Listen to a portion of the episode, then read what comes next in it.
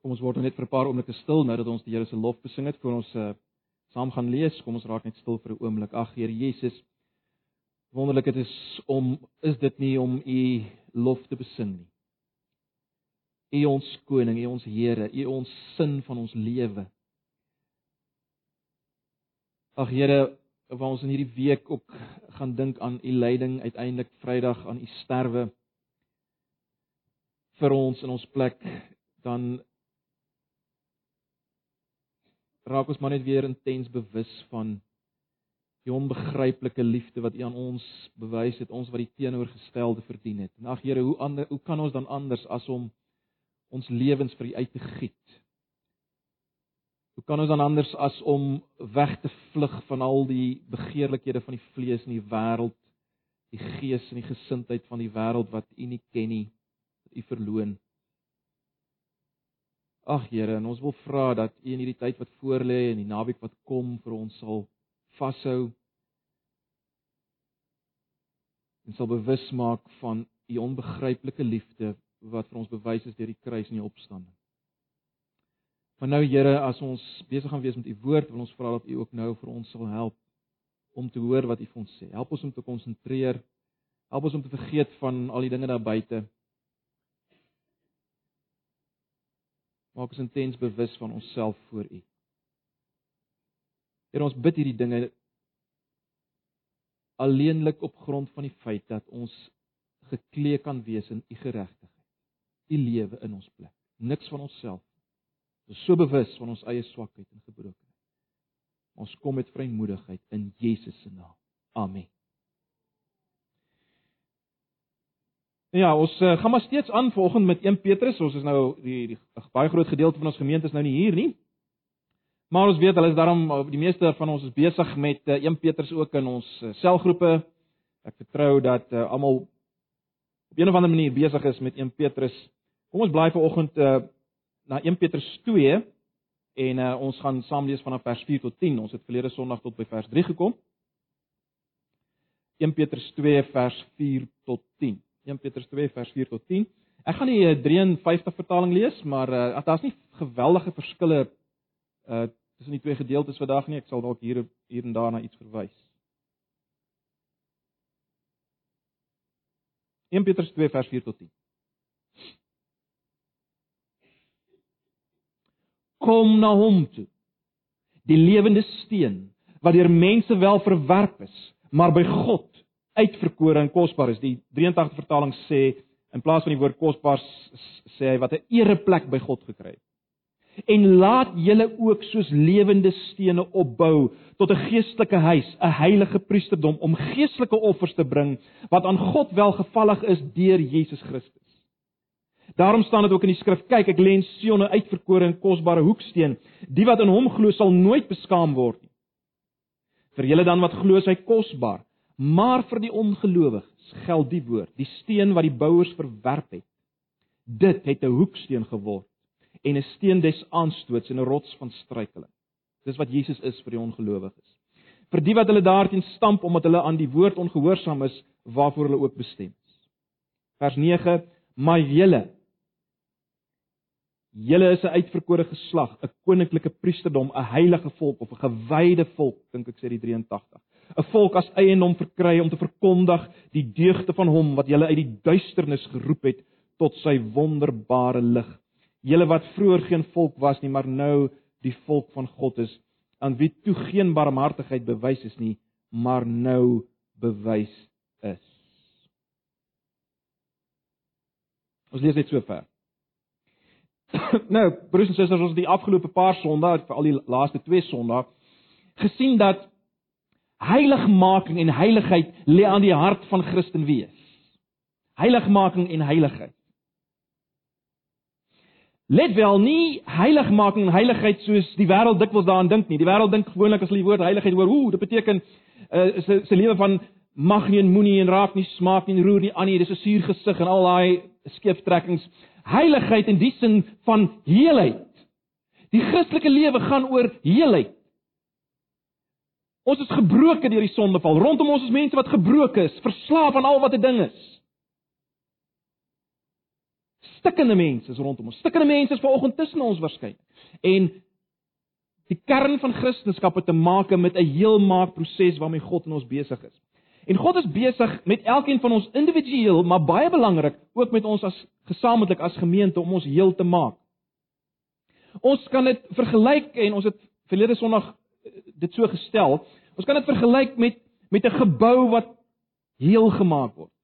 Ons kan ons elkeen self en gesamentlik sien as 'n kom ons sê 'n huis wat stikkend is, wat wat oorgemaak word, heel gemaak word. En ja, in die proses Eh, word sekere dinge gedoen wat ons nie altyd verstaan nie. 'n Sekere mure word platgeslaan, uitgebreek met 'n koevoet en en en en nuwe gange word gebou nuwe vertrekke. Want God is besig om 'n nuwe gebou tot stand te bring. In ons as individue en gesamentlik. Vanoggend in die gedeelte wat ons gelees het, sien ons baie duidelik waarmee God besig is. Hy is besig met niks anders nie as die bou van 'n tempel. 'n Tempel waar waar offers gebring moet word vir hom, 'n tempel waar hy kan woon. Dis die hele punt van Christen wees, van gemeente wees. God wil in ons midde woon, soos hy in die begin was by die mens. En soos dit afgebeeld is in die Ou Testamentiese tempel. Dis die hele punt van Christen wees. God wil weer by ons bly, in ons midde wees. En hy's besig om ons nuut te maak. Die hele proses van Christen wees is 'n proses waarin hy hierdie gebou nuut maak. Dis die Christelike lewe. Ek sê weer, nie net as individue nie, maar gesamentlik. Die gedeelte waarin ons gelees het, eh, waar waar het ons gelees het vanoggend sal julle sien uh daar word heeltyd gepraat van julle en dan spesifiek vers 9 en 10 baie interessant. Vers 9 en 10 kom net so uit Eksodus 19 uit. Daar is dit gesê vir die volk as volk. Julle is 'n is 'n koninklike priesterdom, heilige volk en so meer.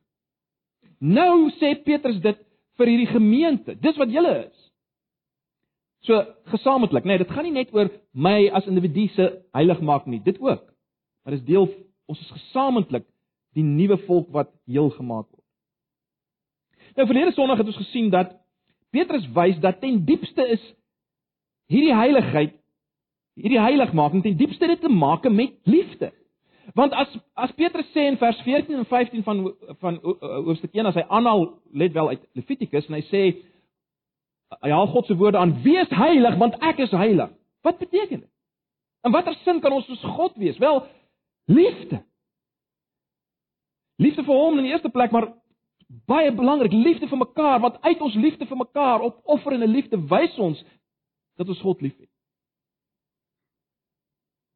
En dit is so belangrik in ons absolute selfgesentreerde uh, dag waarin ons leef, die dag van selfies en selfone en en en en en Facebook en al die dinge waar jy sien hoe oulik jy self is, dat ons dit sal hoor, dit te maak met selfopofferende liefde. Dis waarmee heiligheid te maak het. En en om so lief te hê, is natuurlik om soos Jesus te wees.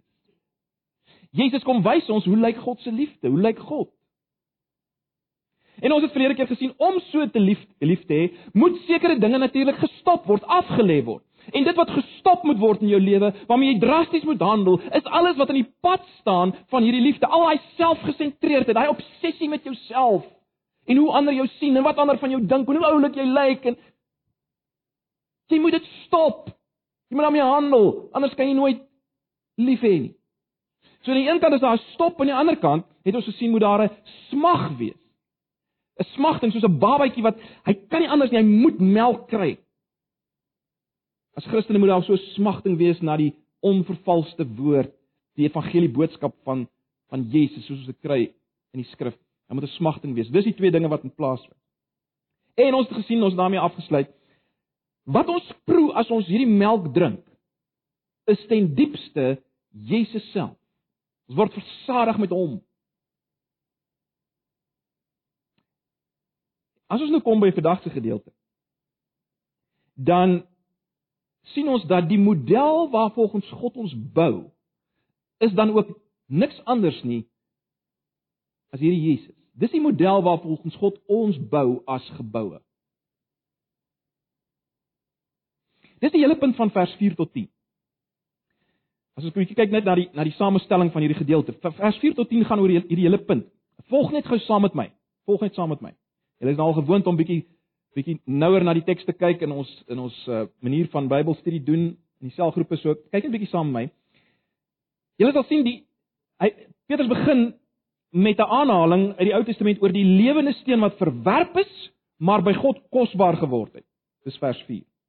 Dan gaan vers 4 oor of loop oor tot 'n oproep vir gelowiges, vir Christene, vir ons om hulle self soos let wel lewende stene te laat opbou tot 'n geestelike huis wat geestelike offers kan bring wat baie duidelik let wel vir God kosbaar sal wees. Julle sien die ooreenkoms. En dan is daar verdere aanhalinge oor hierdie kosbare steen uit in in vers 7 en 8. In vers 7 en 8 van van 1 Petrus 2 uh, al Petrus aanhalinge uit die Ou Testament aan wat ook gaan oor die kosbare steen. En dan in 9 tot 10 word daar afgesluit deur te wys op die kosbaarheid van hierdie mense vir wie Petrus skryf want hulle is nou 'n koninklike priesterdom en 'n heilige volk deur God gered om die deugde van God te verkondig en ons sal sien dit is baie spesifiek die offers wat ons moet bring. Maar goed, julle sien hoe hoe hoe hierdie gedeelte verweef is, in mekaar verweef is. Die eenheid tussen ons en Jesus. En nou, nou natuurlik, die die eenheid tussen die Christen en Jesus Christus is natuurlik iets wat dwars deur die Nuwe Testament voorkom. Hierdie is net een interessante hoek waar dit belig word. Hoekom kan ons na Jesus kyk as ons wil weet uh waarvoor ons as huise gebruik gaan word? Hoekom kan ons spesifiek na Jesus kyk? Wel, ons weet dit, né? Nee. In hom, in Jesus woon die volheid van die godheid liggaamlik. As jy op aarde was saam met Jesus en jy wil weet waar kan jy God kry, ek het dit al baie gesê, dan sou jy na Jesus gaan. Daar is God in al sy volheid. Hy noem homself ook die tempel. Dink aan Johannes 2. Uh Jesus is die plek waar God bly. En daarom as as ons nou moet opgebou word as lewende stene waar waar God kan woon, 'n tempel vir hom wel. Dis logies ons moet, moet kyk en kan kyk na Jesus.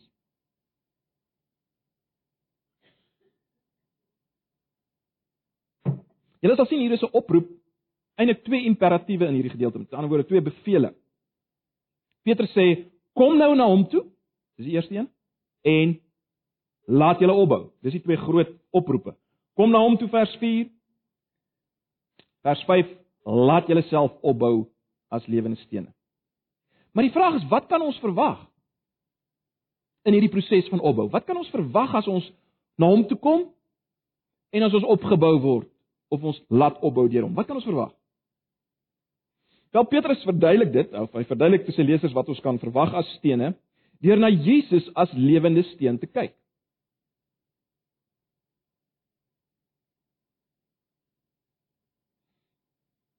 As ons kyk na vers 4, is dit baie duidelik dat Jesus se pad is duidelik een van verwerping deur mense, maar hy's kosbaar vir God. Nou, onmiddellik as ons dit raak sien, moet dit al klare klokkie lui oor dit wat ons heel aan die begin in hoofstuk 1 gesien het, né? Nee. Ons weet dat in die begin in 1 Petrus 1 vers 1 tot 3 is is dit baie duidelik dat dit is die Christen se lewe. Aan die een kant uitverkorenes van God, onthou julle, in die begin van 1 Petrus.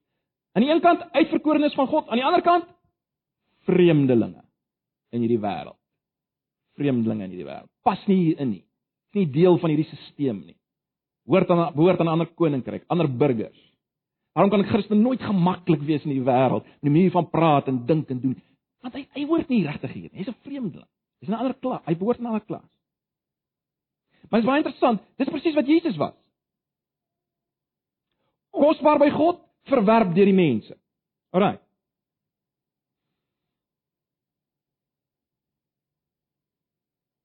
Die aanhaling wat hier uh, wat Petrus hier maak baie interessant. Dis 'n aanhaling wat hy wat Petrus is uit die mond van Jesus self gehoor het. Uh gaan lees maar byvoorbeeld uh, Lukas 20 vers 9 tot 18. Uh daai gelykenis wat Jesus vertel van die uh van die landbouers wat uh, en so meer wat uiteindelik uh, die die die seun doodmaak en dan dan haal hy hierdie gedeelte aan van die van die steen. So Petrus het waarskynlik by Jesus gehoor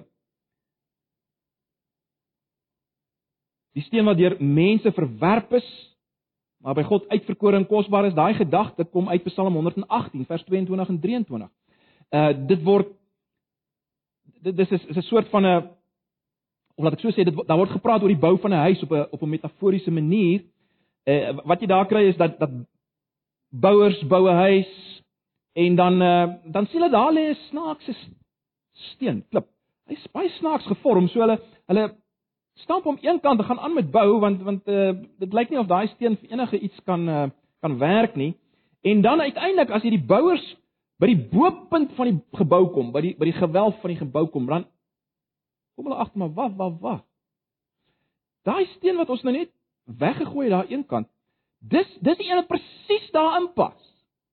As hy nie daar as hy nie daar aankom nie, dan dan stort die hele res van die gebou eintlik in duie. Dit dit dis die belangrikste steen.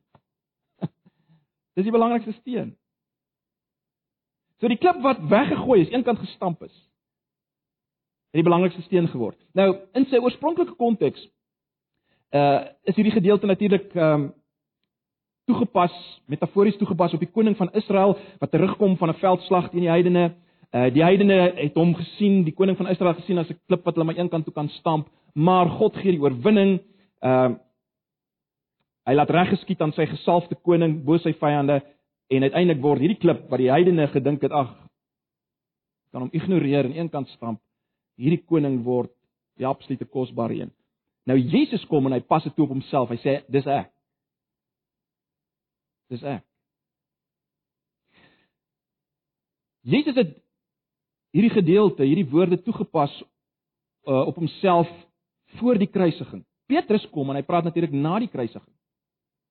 Die punt is, die woorde van Jesus het nou al reeds waar geword. Jy sien die die kerkleiers van die dag Sy eie mense het hom gekruisig, dit waaroor ons gaan dink Vrydag. Sy eie mense het hom gekruisig. Hulle het die steen verwerp. Hy was vir hulle struikeling. Hulle wou hom net uit die weg uitry want hulle kon dit nie vat. Hulle kon dit nie vat dat hy vir hulle wys hoe lyk hulle nie. Hulle hou nie daarvan nie. Mense hou vandag nog nie daarvan dat hulle sien hoe lyk hulle nie. Dit is hoekom hulle nie hou van Jesus nie, want hy wys vir hulle hoe vrot hulle lyk. Hulle het daarvan gehou nie. Hulle het hom gekry. Hy was 'n struikeling vir hulle gewees. Hulle het hom gekruis. Hulle het die steen verwerp. Maar daardie steen het nou die kosbare hoeksteen geword. Wanneer? Wel met die opstand. Met die opstand. Met die opstanding word hy die steen wat alles mekaar hou. Die opgestane Jesus waaroor ons gaan dink Sondag. Die hele gedagte van die kosbare hoeksteen is natuurlik weer 'n gedeelte wat uh in vers 6 uh wat aangehaal word deur Petrus uit Jesaja 28 vers 16 waar daar staan daarom so sê die Here Here kyk ek lê in Sion 'n grondsteen 'n beproefde steen 'n kosbare hoeksteen wat vasgegrondves is hy wat glo die vertaling daar sê sal nie haastig wees nie die hele gedagte is daar sal nie beskaamd staan nie maar let wel hoe het Jesus hierdie kosbare steen geword hierdie hoeksteen geword wel deurdat hy aan die een kant verwerp is en gedood is en die grootste offer van alle tye gebring het. Dis die manier hoe hy het geword. Ons kyk net vinnig na vers 7 en uh, vers 7 en 8. Miskien net belangrik om dit net ook raak te sien. Uh Petrus gebruik nog 'n aanhaling uit die Ou Testament, hierdie keer uit Jesaja 8 vers 14, waar daar gewaarsku word dat as hierdie Jesus, hierdie hoeksteen, as hy nie vertrou word nie, Met ander woorde as hy nie aanvaar word nie, as hy nie geglo word nie, dan word hy 'n klip waaroor gestruikel word. En dan is daar vers 8 wat sê vir die wat hulle daarteen stamp omdat hulle aan die woord ongehoorsaam is, waarvoor hulle ook bestem is. Ek wil net 'n opmerking daaroor maak. Mense kan baie maklik vers 8 is op 'n soort van 'n deterministiese manier lees en sê kyk sien sekere mense is maar net bestem om ongelowig te wees. Dis nie die punt daar nie, né? Nee. Dit gaan nie daaroor die feit dat sekere mense is bestem om maar net te struikel oor Jesus nie. Die hele punt is, hulle het Jesus verwerp. Hulle hoef hom nie te verwerp nie, hulle het hom verwerp. En toe word hy 'n struikelblok vir hulle. Wat is bestem deur God? Deur God is bestem dat die wat Jesus verwerp, vir hulle word hy 'n struikelblok. Dis wat bestem is. Alraai, ek net dit duidelik maak. Dit is glad nie hier oor 'n soort van 'n dubbele uitverkiesing sekere mense tot tot ongeloof en stampolisie. Daar bestaan nie so iets nie. Mense is nie tot ongeloof bestem nie. Nee. Hulle verwerp Jesus in ongeloof. Hulle struikeling dis so bestem dat dit sal gebeur as hulle Jesus verwerp. Ek noem dit maar net dat ons uh, nie uh, onduidelikheid daaroor het. Maar nou baie belangrik, dis eintlik die punt waaroor waarom Petrus dit skryf. Die enige punt waarom hy die gedeelte skryf. Die pad van die hoeksteen is die pad van die ander stene. In 'n sekere sin. Die pad van die hoeksteen is die pad van ander stene tot 'n sekere mate. Natuurlik is die hoeksteen uniek in baie opsigte. Jesus is uniek in die sin dat sy offer byvoorbeeld kan nie herhaal word nie. Sy offer is 'n unieke offer, die offer vir sonde, ons sonde in ons plek. En deur wat hy gedoen het, kan ons lewens in stene word. Dit kan nie herhaal word nie. Maar baie belangrik wat Petrus hier wys is dat ons doel en funksie as lewende stene is in 'n sekere mate dieselfde as die doel en funksie van Jesus. Beide is om as te ware 'n offer te bring aan God wat vir hom aanneemlik is. Kyk net weer na die ooreenkomste, nê. Nee. Hy is die lewende steen, julle is lewende stene. Hy is deur mense verwerp. Hier word nie eksplisiet hier gesê dat ons deur mense verwerp word nie. Ek het reeds daarop gewys die die term vreemdelinge, bywoners verwys daarna en dan natuurlik eksplisiet as ons kom in hoofstuk 4 vers 12 tot 14, dan maak Petrus baie duidelik dat hulle sal teenkanting kry, uitgestoot word, uitgedruk word, verwerp word en so mee. Jesus weet ons bring die finale offer. Uh hy was nie net die hoofpriester wat die offer gebring het nie, hy was selfs ook die lam wat die offer bring. Meer nog, hy was self ons het net nou daarna verwys die tempel. Al daai Ou Testamentiese beelde is in hom vervul. Hy was self die tempel. Maar nou, baie belangrik. Die punt van Petrus is julle word ook nou geestelike tempels wat offers moet bring. Natuurlik, ons offers is heeltemal anders. Ons offers is nie offers om ons aanvaarbaar te maak voor God nie. Jesus se offer is al wat nodig was om ons aanvaarbaar te maak. Ons offers is uit dankbaarheid vir dit wat hy vir ons gedoen het natuurlik, dis die verskil. Maar Let wel. Alle Christene, die kerk van die Here Jesus is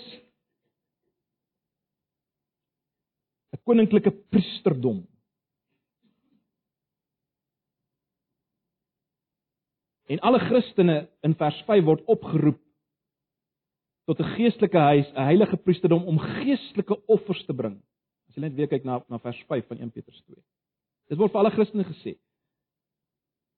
Dis 'n heilige priesterdom om geestelike offers te bring. En dan natuurlik vers 19 sê hierdie selfe Christene is 'n gewyde volk.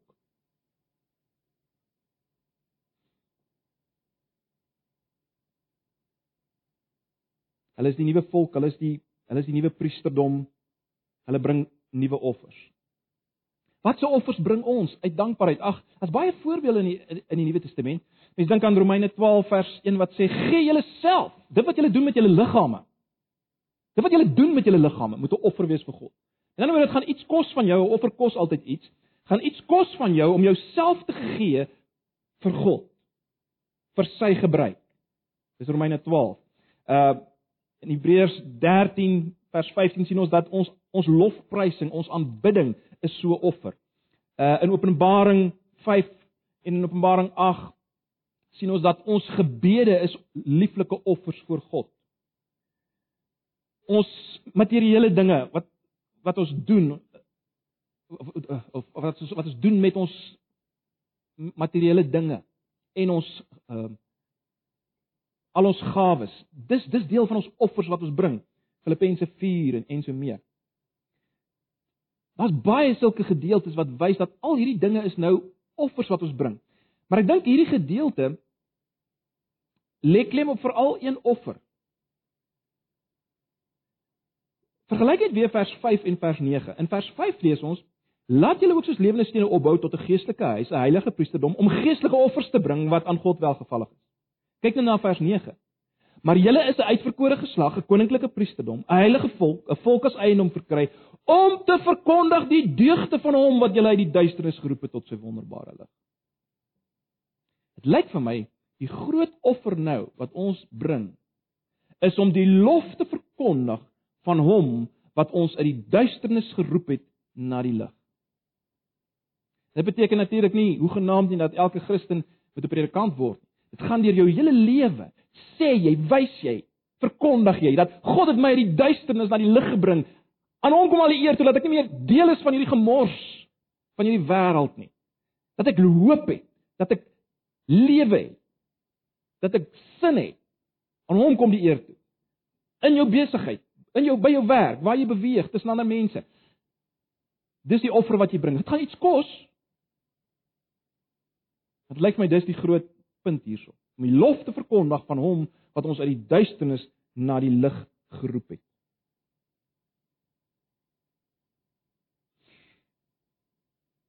Kom ons dink net vir oomblik. Onthou nou ons het gesê die oproep wat Paulus ag Petrus maak is kom na hom toe en laat julle opbou. Ons het verlede Sondag alreeds eintlik iets van hierdie laat julle opbou proses gesien as ons uh, toe ons gepraat oor die feit dat daar 'n stop moet wees van sekere dinge en 'n smag na die onvervalste melk van die woord. Maar ek dink wat ons in hierdie gedeelte kry is 'n sekere dinge wat ook implisiet hier lê, bloot deur die feit dat ons soos Jesus moet opgebou word. Dit moes die gelowiges in Petrus se tyd en vir ons onmiddellik laat dink aan Jesus. Hoe's hy opgebou? Hoe's hy gevorm as lewende steen? Nou ons weet vanaf Jesus se konsepsie het die Heilige Gees was die Heilige Gees betrokke, né? Ons lees in Lukas 1 vers 35 sê die engel vir Maria, die Heilige Gees sal oor jou kom en die krag van die Allerhoogste sal jou oorskadu. Ehm uh, Jesus was in 'n sekere sin van sy geboorte af gees vervuld. Maar baie belangrik, Dit het nie beteken dat Jesus was dat Jesus outomaties outomaties onder die Gees se beheer was. Uh in, in so so mate dat hy eintlik glad nie iets hoef te gedoen het. Ons lees byvoorbeeld in Lukas 2 vers 40. 'n Uitspraak wat gemaak is oor oor die begin van Jesus se lewe as 'n jong seun. En die kindjie het gegroei en sterk geword in die gees en vol van wysheid. Jy sien daar was 'n groeiproses. Hoe het dit plaasgevind? Wanneer het dit plaasgevind? Wel, terwyl hy gewerk het as 'n skrynwerker vir sy pa, het dit plaasgevind. Uh maar baie belangrik, baie interessant. In Jesaja 50 vers 4 kry ons 'n soort van 'n profetiese kyk na die Messias, na Jesus. Wat baie interessant is. Daar word gepraat oor hierdie knegg van die Here wat baie duidelik Jesus is in in Jesaja. En dan staan daar die volgende. Hierdie knegg praat as te waar en hy sê hy wek elke môre, hy wek my oor om te hoor soos die leerlinge. In 'n ander woorde, dit lyk vir my die die gedagte is dat Jesus was ingestem om te hoor wat God sê. Hy het geluister na God elke dag. Hy was onder die in, hy het onder die invloed van God die Gees gekom. Ons weet later in sy lewe het hy dikwels homself onttrek om te gaan bid alleen op die berg te gaan bid elke keer voor hy 'n groot besluit op moes neem, het hy gaan bid op die berg.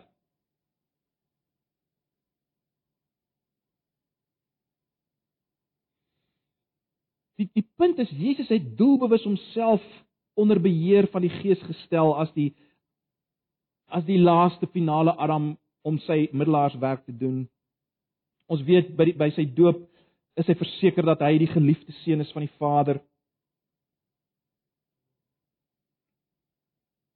Die punt is daar was 'n dag, daar moes 'n dag vir dag gehoorsaamheid wees. Jesus moes doelbewus die keuse maak om nie 'n pad van ge, gewildheid te loop nie, die pad van 'n politieke bevryder te loop nie. Daar was die versoeking, dink maar net aan die versoeking in die woestyn. Daar was die versoeking om om die kruis te sy stap. Die punt is Jesus het dit nie gedoen nie. Hy doelbewus die pad wat God vir hom gegee het, gekies, gevat. Hy het die versoeking teengestaan. Ag ons kan, kan baie hieroor praat, ek wil nie daar te veel na daarop uitbrei nie. Die punt is dit, dis hoe Jesus as te ware gebly het onder die invloed van die Heilige Gees. Vervuld gebly het met die Gees. En nou is dit interessant dat Petrus sê, kom na hom toe. Na hierdie Jesus, laat julle opbou. En baie interessant, as ons nou uiteindelik kom by 1 Petrus 4, baie interessant. As jy kom by 1 Petrus 4 vers 12 tot 14 waar Petrus wys dat die Christene gaan ly en swaar kry, dan, dan sê hy eksplisiet: As julle so ly, dan wys dit dat die Gees, die Heilige Gees van heerlikheid op julle op julle rus. So wat wat probeer ek sê? Probeer dit sê. As ons na Jesus wil kom en toelaat dat ons opgebou word soos hy opgebou is, moet ons onder die invloed van die Heilige Gees kom. En dit lyk vir my as ons in gedagte wat ons verlede week gesien het, ons bly onder die Gees as ons besig is om nee te sê vir sekere dinge en te smag na die onvervelde melk van die woord, want ons weet die woord is ingegee deur die Gees. Hoekom ons onder die invloed van die Gees, wel as ons onder die invloed van die woord kom? As ons dit toelaat dat dit ons denke vernuwe. En nie die televisie ons denke vernuwe en die selfoon ons denke vernuwe nie, maar dat hy deur sy woord ons denke vernuwe. Dan kom ons onder die invloed van die Gees. En dan kan ons al meer die pad stap wat Jesus stap. Dan kan ons opgebou word as lewende stene. Ag broers en susters, om uiteindelik die offer te bring, naamlik om sy lof te verkondig, die een wat ons geroep het vanuit die duisternis na die lig. Maar as ons steeds self in die duisternis leef, kan ons natuurlik nie die lof verkondig van hom wat ons geroep het vanuit die duisternis na die lig nie. En as ons heeltyd terugneig daarna toe. Dis baie belangrik dat ons sal sal stop en sal smag en so onder die invloed van die Gees sal bly en en en dan kan ons die lof verkondig van hom wat ons geroep het vanuit die duisternis na sy wonderbare lig. Ag ek sluit net af met met een praktiese implikasie. Kom ek stel dit so. Daar's ver oggend eintlik net een van twee posisies waarin jy kan wees as jy ver oggend hier sit. Daar's net een van twee posisies waarin jy kan wees. Die een is om opgebou te word as 'n lewende steen met die hele proses wat daarmee gepaard gaan. Nie altyd maklik nie. Ja, daar's mislukking, maar dis 'n pad waarmee jy besig is wat God met jou besig is, 'n pad waarin jy betrokke is om te stop met sekere dinge, om te smag na die woord doelbewus. Dis dit kos iets. Jy's al besig met hierdie pad wat ons nou beskryf het of jy's besig om die kosbare hoeksteen te verwerp en daaroor te struikel. Ag broers en susters, en dit is so tragies om mense te sien wat die kosbare hoeksteen verwerp. Hulle hulle Hulle soek allerlei ander dinge om hulle te, om om om die plek te vat van die kosbare hoeksteen in hulle lewens. En dis ook om hulle verslaaf raak aan allerlei dinge wat vir hulle iets kan gee of nou uh, wat dit ook al mag wees. Of dit drank is of dit seks is of dit die uh, of dit beheptheid met jouself is, maar maar maar dinge moet vir hulle iets gee wat hulle nie het nie. Want hulle maar hulle kom nie na Jesus die hoeksteen. Hy's vir hulle struikelblok. Hulle, hulle hulle wil nie eintlik na hom kom nie. Hulle struikel oor hom. Hulle is te bang om na hom te kom want hy want hy gaan vir hulle sê stop waarmee jy besig is en hulle hy gaan hulle ontbloot. Daar's net twee posisies. Of jy is besig om opgebou te word soos Jesus in eenheid met hom met alles wat dit behels of jy is besig om hom te verwerp. En let wel, dis Petrus sê dit nie eksplisiet hier nie, maar Jesus as hy die gedeelte van die steen wat verwerp word aanhaal, dan dan, dan, dan gee hy 'n geweldige waarskuwing. Hy, hy sê uiteindelik gaan hierdie steen op hierdie mense wat hom verwerp en oor hom struikel, uiteindelik gaan hy op hulle val en hulle verbrysel. Nou al aan uit Daniël uit. Jy sien, daar kom 'n oordeelsdag. Daar kom 'n dag waar waarop jy wat hier sit ver oggend voor Jesus gaan staan. En as jou lewe gekenmerk is deur die tweede proses. Dan is daar net een einde en dis vermorseling deur dieselfde Jesus. Ag en daarom Kom na hom toe. Kom na hom toe. Hy sê my my my las is lig. My juk is sag, kom na my toe. Kom na hom toe, laat jou opbou. Gryp hom aan, roep hom aan en begin hierdie proses van opgebou word tot 'n tot 'n tempel vir God. Ag broers en susters, mag die Here sy woord gebruik in hierdie oggend. Amen. Kom ons bid net saam. Ag Here Jesus, baie dankie vir die woord. Dankie vir u self. Ag Here, u ken ons, u weet ons uh, hoe lyk ons vanoggend? Hoe lyk ek? My worsteling, my gesukkel. Elkeen van ons wat hier sit. Maar dankie, dankie, dankie dat ons kan weet ons lewens is nie sinloos en sonder rigting nie. Ons is besig om opgebou te word. U is u is, is op pad met ons en ons ons het sin in ons lewens want ons die sin in ons lewens is om uiteindelik lof te die lof te verkondig van hom wat ons geroep het vanuit die duisternis na die lig. Dis waarvoor ons leef. Dis waarvoor ons gemaak is. Dis die sin van ons lewe, Here. En ons eer U daarvoor. Dankie dat dit kan weet vir ons. Ag, Here, help ons. Help op hierdie pad. Asseblief. Ons vra dit in Jesus se naam. Amen.